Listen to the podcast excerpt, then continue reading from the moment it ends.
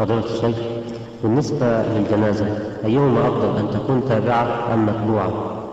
وما حكم الدعاء آه، بصوت عالي للميت والناس يؤمنون آه، خلفه في حال الدفن؟ نعم.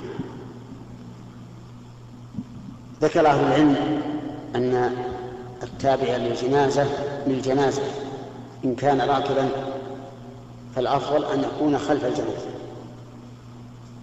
وإن كان ماشيا فالسنة أن يكون خلفها أو يمينها أو شمالها. والأمر في هذا واسع.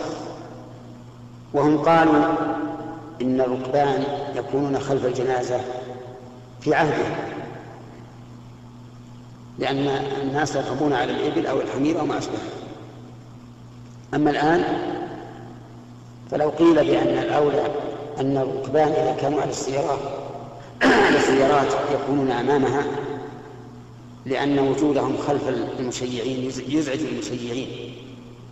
وربما يحكي المشيعين إلى أن يسرعوا إسراعا فاحشا يخشى على الميت مع قوة الرد أن يخرج منه شيء. فلهذا أرى أن الركبان على السيارات في الوقت الحاضر يكونون أمام الجنازة فإن لم يتيسر لهم ذلك فليكونوا خلفها بعيدا عن عن المشاة لئلا يزعج المشاة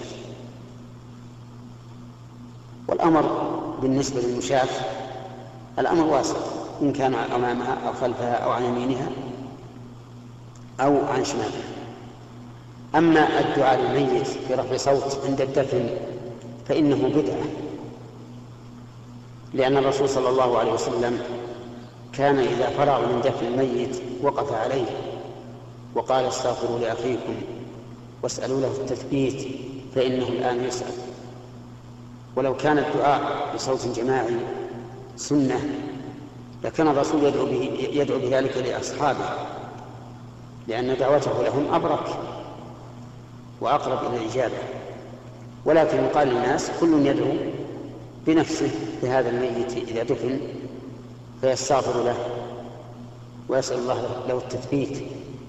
ويكفي مرة واحدة. لكن إن كررها ثلاثا فهو خير لأن النبي صلى الله, عليه وسلم كان إذا دعا دعا ثلاثا.